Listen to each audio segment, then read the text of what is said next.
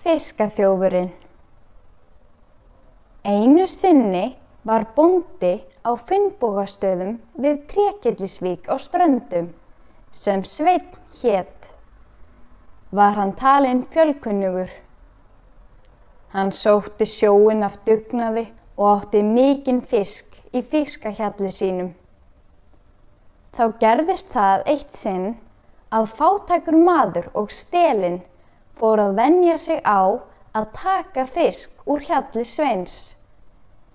Fyrst tók hann lítið en af því að gerðist síðan stórtækari.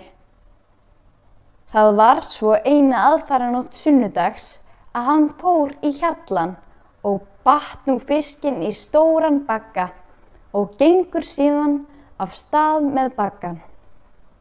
En hann villist og veit ekki hvert halda skal. Líður nú nóttin og lýsir af degi. Sér þá bófin mannaferð og vill ekki verða á vegi þeirra. Hann gengur eins hratt og hann getur en veit samt ekki hvar hann er.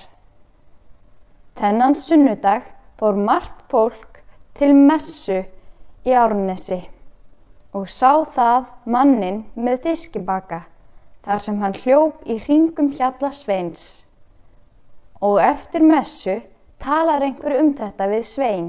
Og gengur hann þá með nokkru mönnum og hittir þjófsa, heilsar honum og segir Farðu nú heim til þín með fiskinn en hugsaðu ekki oftar að stela frá mér.